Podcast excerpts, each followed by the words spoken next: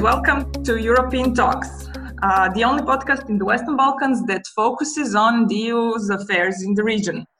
Uh, in this episode, uh, we will speak about the EU's policy to reconcile private and professional aspects of life, or how to strike a balance between work and life. Achieving this objective has become seriously exacerbating during the COVID pandemic, as this crisis has led to the new phenomena like widespread work from home and expanding expectations for women. Uh, so we will touch upon the lessons learned uh, from the crisis, and since we are focused on the Western Balkans, we will also speak about the changes that the EU membership would bring to work-life balance to the candidate countries. And to discuss these issues, I have a great pleasure of introducing you Ms. Uh, Katarina Ivanković-Knežević, uh, the director at the European Commission's uh, DG Employment, uh, Social Affairs and Inclusion, and uh, also a Croatian national uh, who was very much involved in Croatia's accession process to the EU, and in particular with regards to this policy. Ms. Knežević Ivanković, big welcome to our podcast. Yes, thank you very much, and thank you for inviting me and organizing this important podcast. I think it's of interest of all of us, uh, not uh-huh. only in the EU, but uh, all of you who are in the in the pre-accession process and are uh, mm-hmm. streaming to becoming a EU member uh, state once. Exactly. So uh, let's start uh, then with the rationale behind regulating this issue and uh, what context lies behind bringing the work-life balance directive in particular in the eu context? Could you give us a bit more um, details?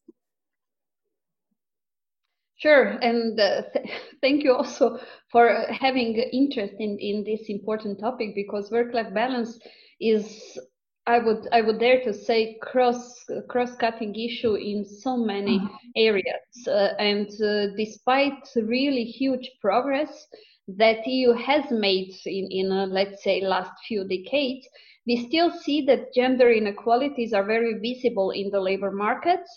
Uh, mm-hmm. They are very visible in the employment and uh, in the end in the quality of life, if if we want to say so.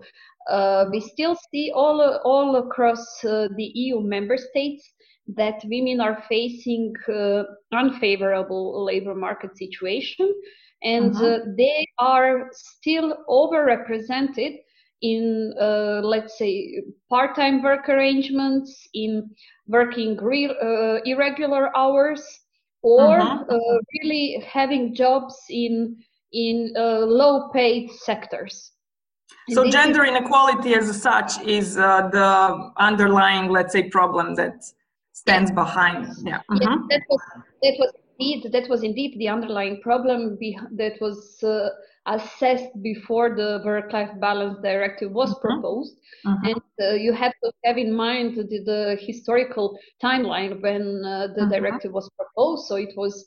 Uh, 2016 when we started uh-huh. thinking the Commission started thinking and reflecting how to address uh, the position of women in the uh-huh. in the labor market, markets uh, all across the EU.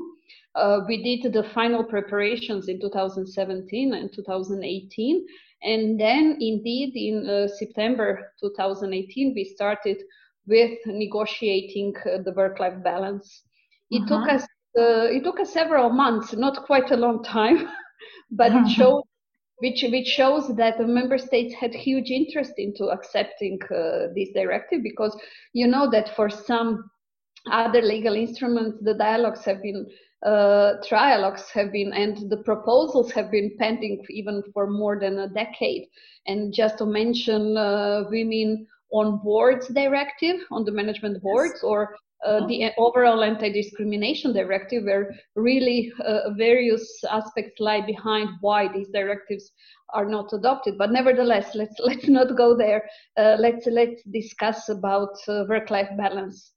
So the the work-life this directive had a really strong uh, origin also in the european pillar of social rights Yes. And European Pillar of Social Rights is uh, represents a very important document for all of us uh, across the EU uh, because uh, this is a list of 20 values or 20 principles that were proclaimed by uh, European institutions, by European Parliament, by the Council and the Commission, which means that all the member states proclaimed and supported the, the European Pillar of Social Rights. And uh, in, in the pillar, we have several principles that are relevant for gender equality. So it's it's uh, principle two, which is uh, the core, let's say, gender equality principle, and then we have principle nine, which speaks about work-life balance. Principle eleven speaks about childcare. Fifteen about old age and pensions, and eighteen about long-term care.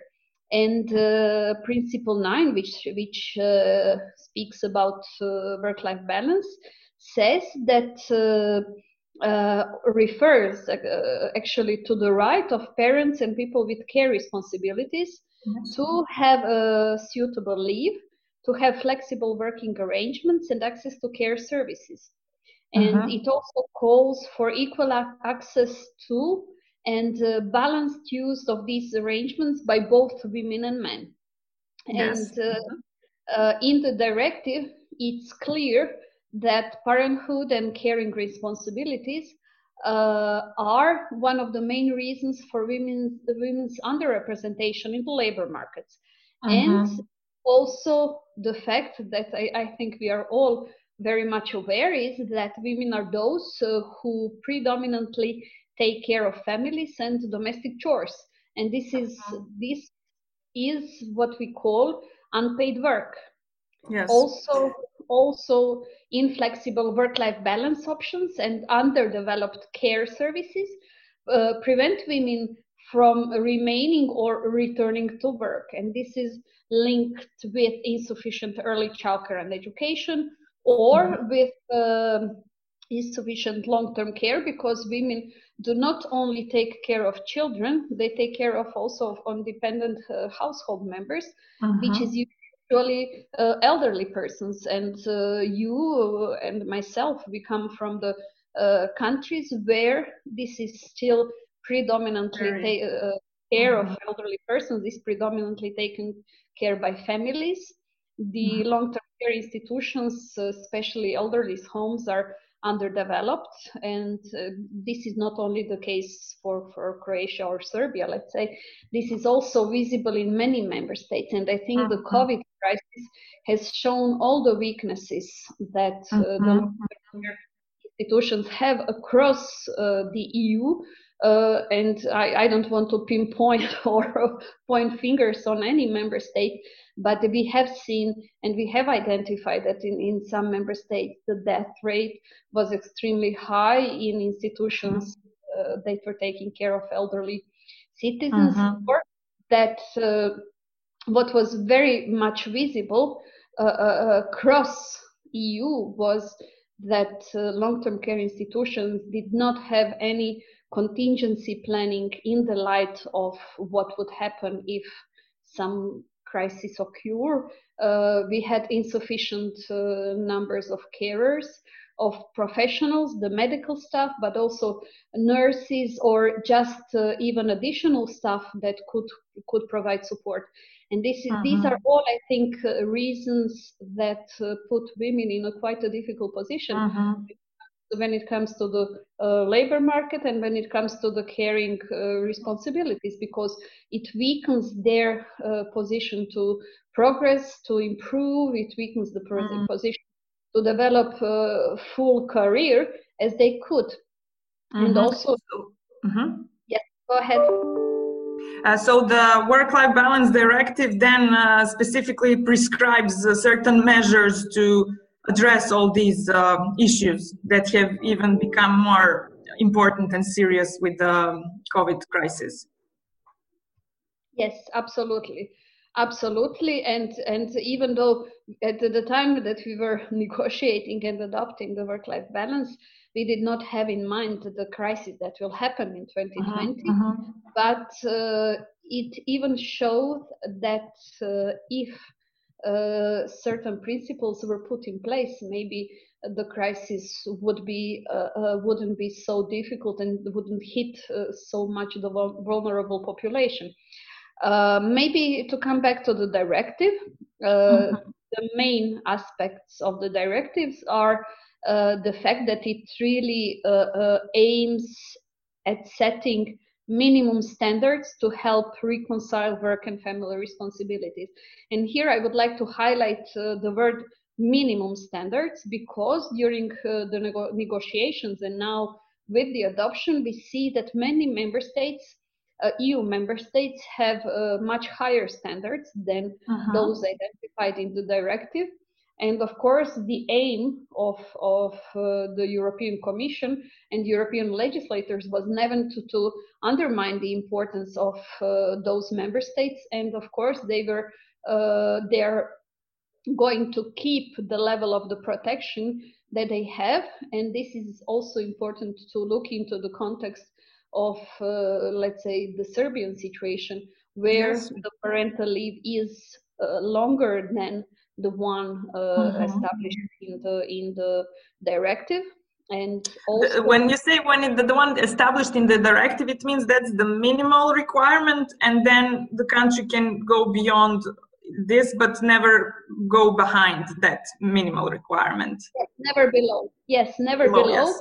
Mm-hmm. yes. and this means that uh, each member state has to provide 10 days of paternity leave mm-hmm. uh, also the parental leave is uh, the right to the parental leave is four months for each parent and mm-hmm. out of those four months two months months are non-transferable so mm-hmm. which means if uh, for example in, in some member states uh, if a father uses two months then the rest could be transferred uh, to a mother or uh, vice versa so this is this was the idea of the legislator that both parents take uh, on board the, the, caring responsibilities and parental leave.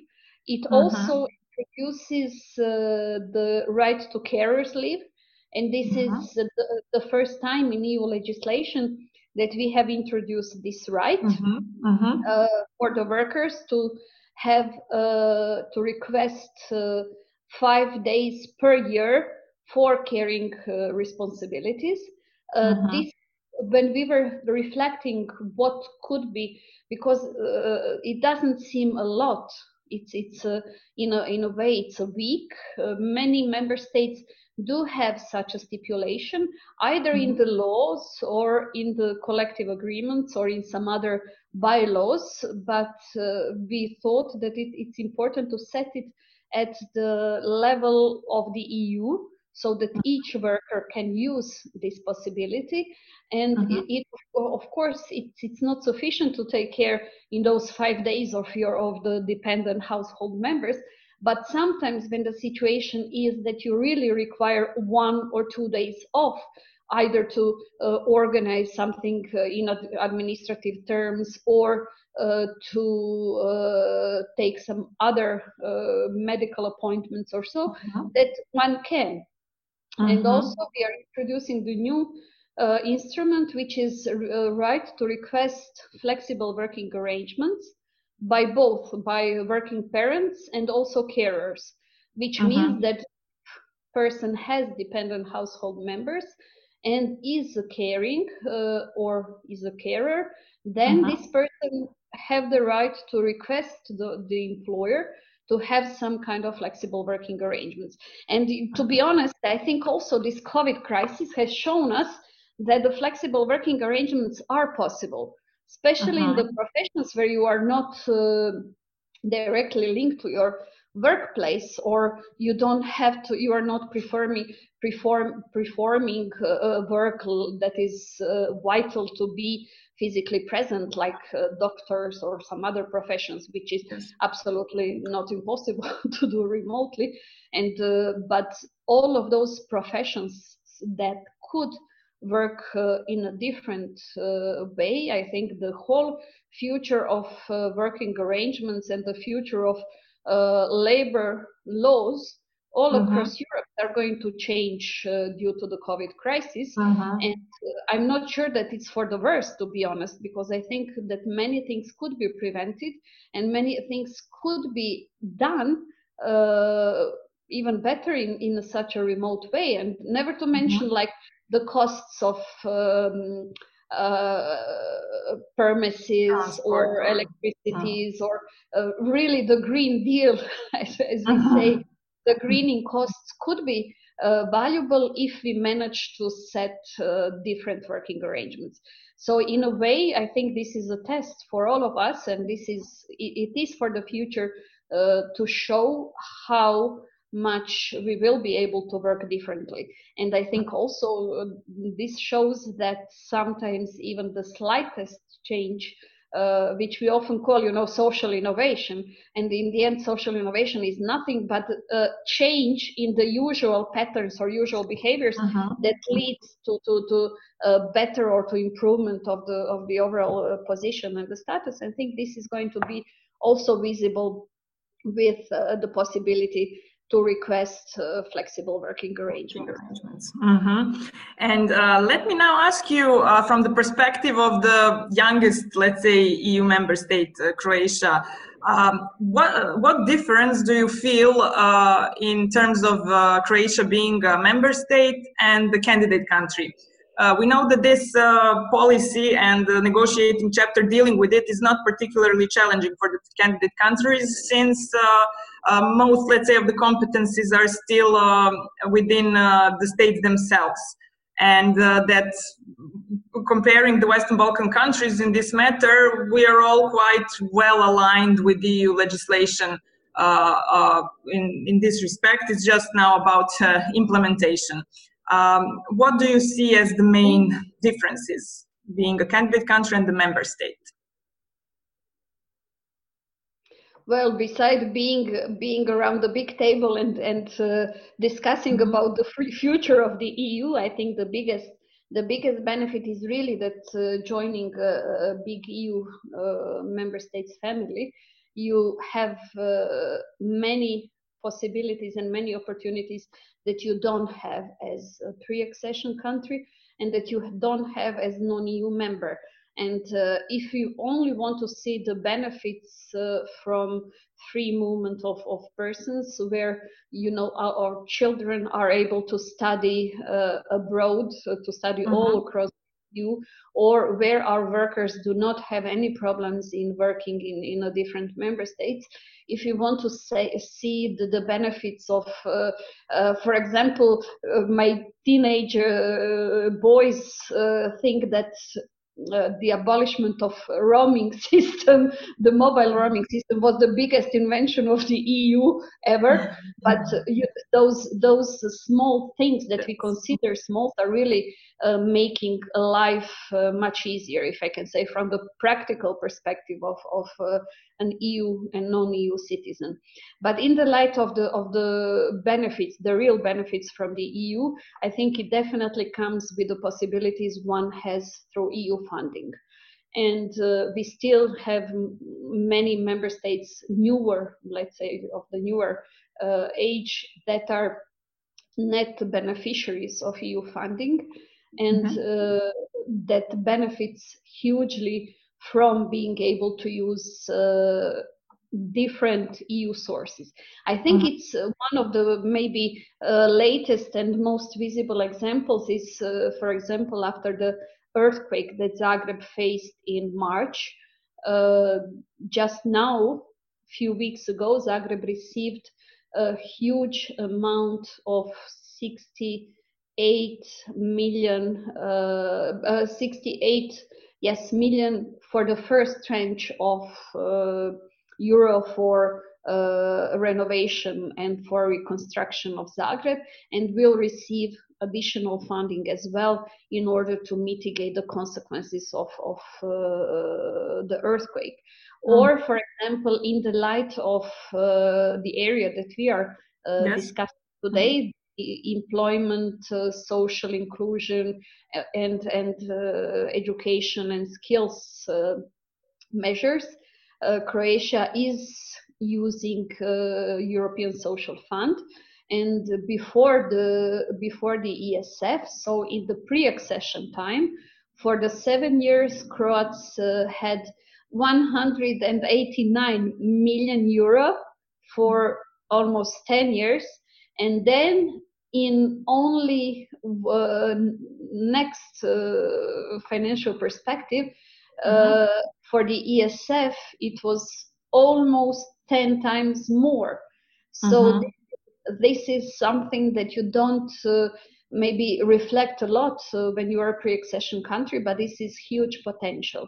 And mm-hmm. if we see, for example, that uh, in Croatia, majority of the labor market policies are uh, EU co-financed, uh, have introduced the simplified cost method for uh, some uh, labor market policies, which even uh, simplifies the possibility to use the funds according to the maximum rules, of course.